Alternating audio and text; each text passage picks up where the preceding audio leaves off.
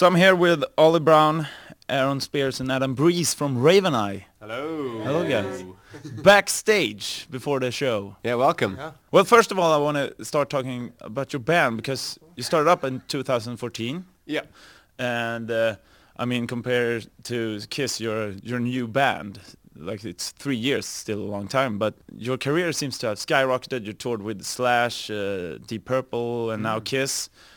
I mean, what were your when you started out? What were your like ambitions and, and goals in the beginning? Uh, I, kind of this really like our ambitions were to kind of you know start ourselves from the beginning. So we started from scratch without anyone working with us, and just wanted to build up a family of people that we trust and really like, and put our lives into it. Like we live and breathe this band every day. You know, we there's always things to do. Like the blessing about you know bands now being a band now is that you have social media. You have ways that you can, if you take initiative, you can work your ass off every day at it, and and that's what we do. And you know, we'll keep in touch with each other every day and just try and what we can do next. What's the next thing we can do to kind of integrate ourselves more with our community?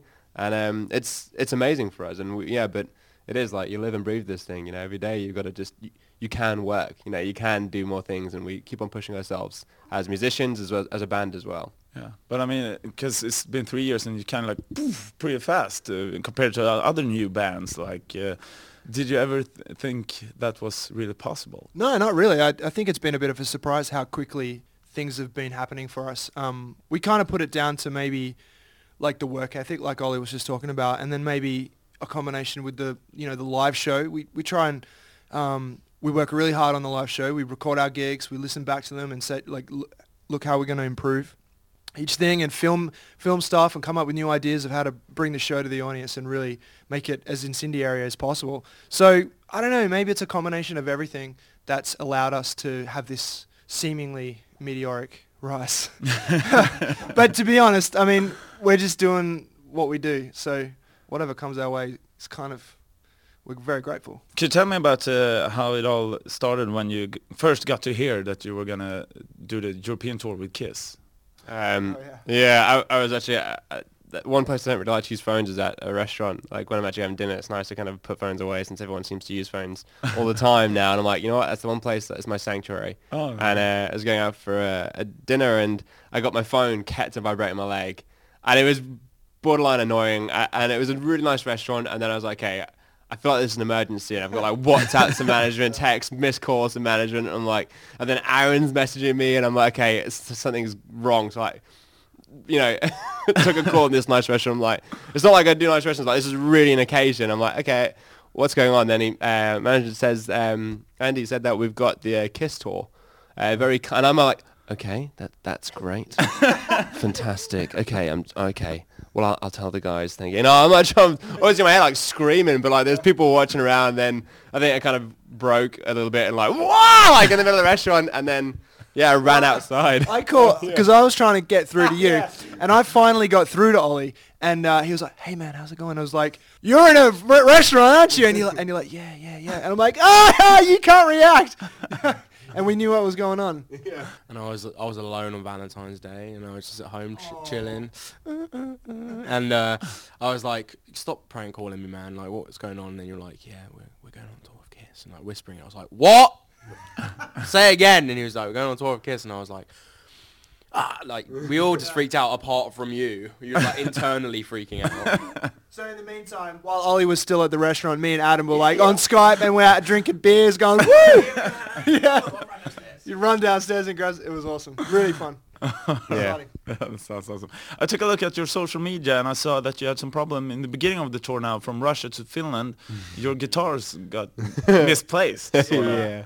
It's it's the Raven Eye curse for a band that's named after birds. We sure have shit luck with flying. Like it's it's a nightmare. Like it, either either flying to places or flying back from places, something gets lost. Like the first time we um we did a show with Slash actually. Um, the first show we're doing with him, we're flying to uh, Oslo, and our luggage that was f- in our hands right next to the plane didn't make it on the plane. Like somehow between the little walkway, All the bags didn't make it. It had our pedal boards and everything on that. I got a massive flu. I ended up having to get an injection in my butt because I was like, I had like steroid. Like it was a really bad first start because I got some like infection from the flight or something like that. So like my voice just went. So this rock doctor came and yeah, took me in the bathroom, and put a needle in my butt, and um, then eventually we got our luggage as well. Like it's Thought was just a doctor. uh, no, but he, he was he was gentle. And he didn't use a needle either. well, it must happen uh, happen a lot of funny things also and crazy stuff. What's your what's your best memory during uh, your three years touring and playing? Uh, you know what? Actually, for me, and I know we just talked about it, but it, definitely hearing about the Kiss Yeah. thing, like I, yeah, you dream of these kind of moments, and and we, as I said, we worked this from, you know, from just a very basic to try and you know working hard every day and putting our life into it, and to have that kind of moment, oh, it was the the most inc- incredible emotional experience to really go through.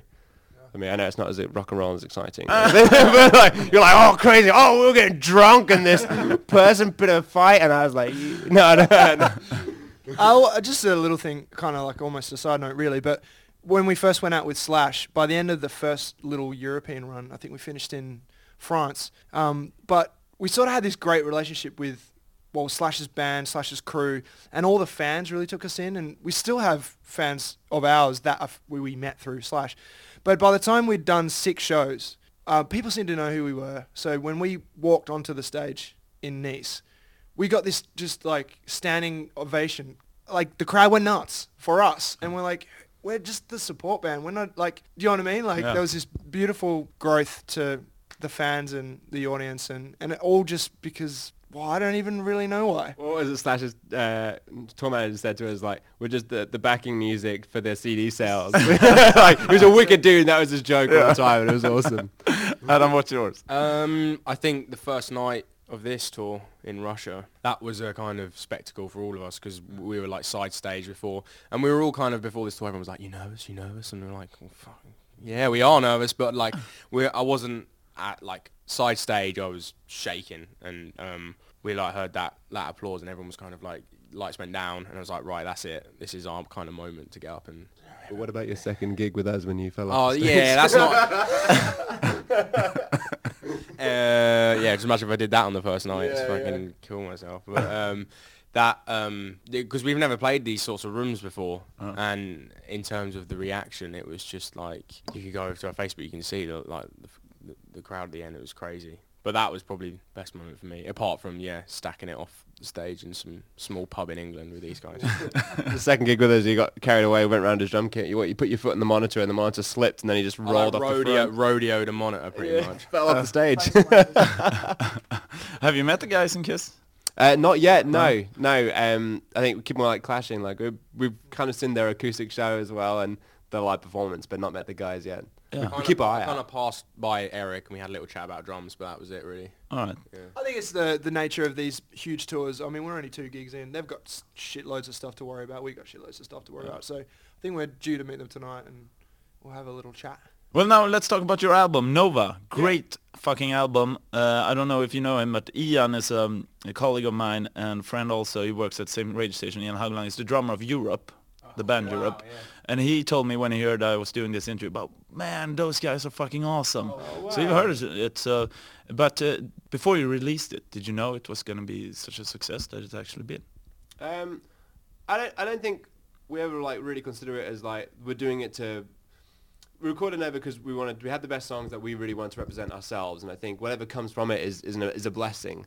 But at the end of the day, our priority is to be true to what we want the sound to be. And Nova, as an album, we're so proud of it. Like we put our lives into it, and and it really was the kind of this is who we are now. Like the EP was kind of discovering ourselves, breaking out the EP, and really kind of just trying to get some local gigs, which took us way further than we expected.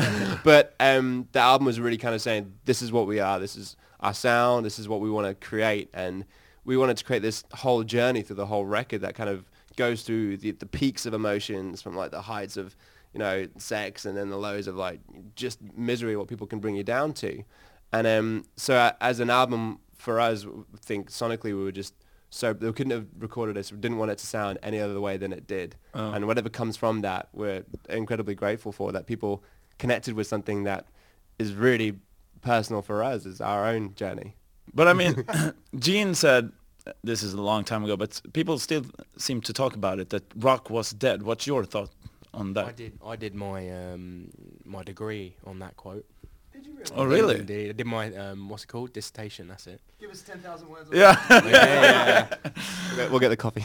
I, I- well, I mean, I think the main thing about that that thing is, I think the music industry is cyclical. It goes around in circles. Like pop can be the biggest thing at this time, and rock was the biggest thing in the 70s and 80s, and you know took over the world. But I think rock's always there. It's just the the the audience range is kind of it's not. You can still go and find great rock music, but mm.